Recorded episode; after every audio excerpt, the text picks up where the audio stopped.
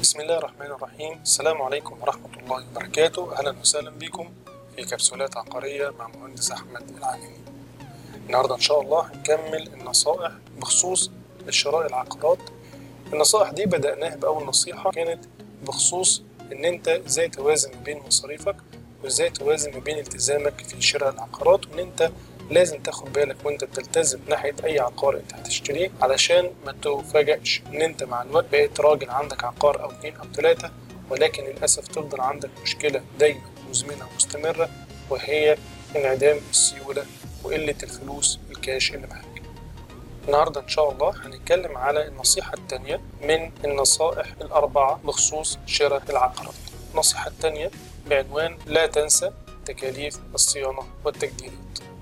كتير جدا من اللي بيبقى عايز يشتري عقار بيبقى عايز يشتري عقارات موجودة بالفعل. يعني تبقى أنت ال second hand على العقار دوت مش ال first وبالتالي رغبتك في إن أنت تشتري عقار اوريدي مستعمل أو مستخدم قبل كده ده شيء طبعا عادي جدا وطبيعي جدا. لكن لازم تاخد بالك من كام نقطة مهمين جدا جدا في العقار المستخدم لما تيجي تشتري. وهي إن أنت لازم تاخد بالك من تكاليف الصيانة والتجديد اللي أنت محتاج تعملهم في العقار علشان يناسب الوضع اللي انت عايزه وعلشان يكون بالشكل اللي انت محتاجه خلينا نقول إن معظم التكاليف دايما الخاصة بالتجديد والصيانة تكاليف مهملة عند أكتر المستثمرين أو ملاك العقارات رغم إن ليها تأثير كبير جدا على مالك العقار أو المستثمر بيبقى لها تأثيرات سلبية أو إيجابية على حسب التعامل مع هذا البند. طيب عايزين نعرف لما نيجي نشتري عقار مستخدم أو مستعمل بشكل عام إيه اللي إحنا محتاجين نعرفه؟ محتاجين نعرف حاجة مهمة جدا. أي عقار مستعمل لما هاجي اشتريه بيهمني فيه حاجتين أساسيتين وفي شوية طبعا نقط معاهم لكن أكتر حاجتين بيهموني جدا جدا في أي عقار مستعمل أول حاجة وهي حالة العقار تاني حاجة عمر العقار. حالة العقار اللي إحنا بنقول عليها العقار محتاج صيانة إزاي وفين وبكام.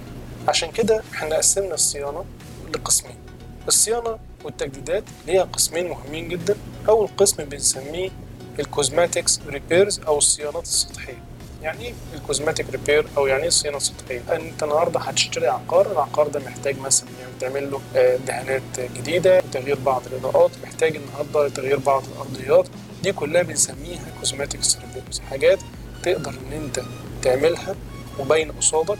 وتقدر إن أنت تنفذها بدون ما تدخل في تفاصيل كتير. وده اللي إحنا دايما بنفضله لأي عقار مستخدم أنا عاوز أشتريه. النوع الثاني بنسميه اللي هو structure repair أو الصيانه الجذريه ودي أكتر وأسوأ أنواع العقارات اللي أنت ممكن تشتريها. زي إيه بالظبط؟ زي ما النهارده تفاجئ إن العقار فيه مشكلة في شبكات الصرف أو التغذية أو شبكات الكهرباء اللي مدفونة في الشقة خلاص. أي مشكلة في الحاجات دي بالذات هي مشاكل مزمنة في الغالب ملهاش حل. وأي حلول بتتعمل بتكون حلول مؤقتة. ولو فعلا في حل جذري حاولت إن أنت تعمله هيكون حل مكلف جدا جدا. وبالتالي تخلي بالك جدا جدا من إن يكون التجديد أو الصيانه المطلوبه في العقار تكون صيانات سطحية مش صيانات جذرية. عشان كده أي صيانة جذرية إحنا بنرفضها أو مش بنوصي بيها. وبالتالي بنحتاج إن لازم يكون ويفضل طبعا إن يكون في حد خبير يجي يعاين الشقة أو العقار أو الوحدة قبل ما تاخد قرار الشقة. ممكن يكون مهندس من اول مختص في أعمال الصيانة لأن في حاجات مش بتظهر فعلا غير من خلال المختصين أو من خلال الخبراء في هذا المجال اللي هو مجال الصيانة.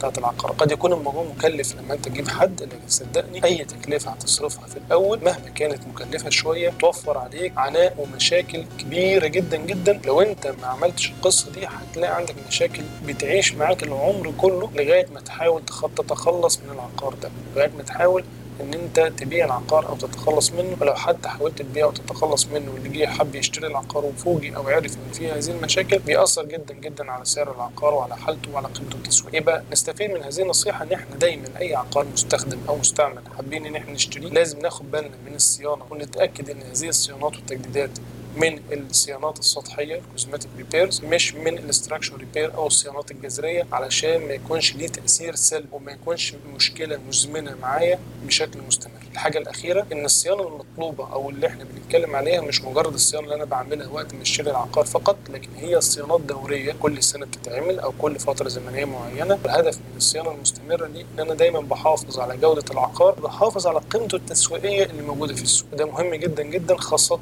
لو أنت مستثمر في العقار. وحتى لو انت شاري العقار للسكن فبرضه مهم جدا إن تبقى فيه صيانه دوريه علشان ما تفاجئش إن العقار بيحصل فيه مشاكل تتراكم وبيحصل فيه مشكلة كبيرة معاك. دي كانت النصيحة الثانية من نصائح شراء العقارات. شكرا لكم والسلام عليكم ورحمة الله وبركاته.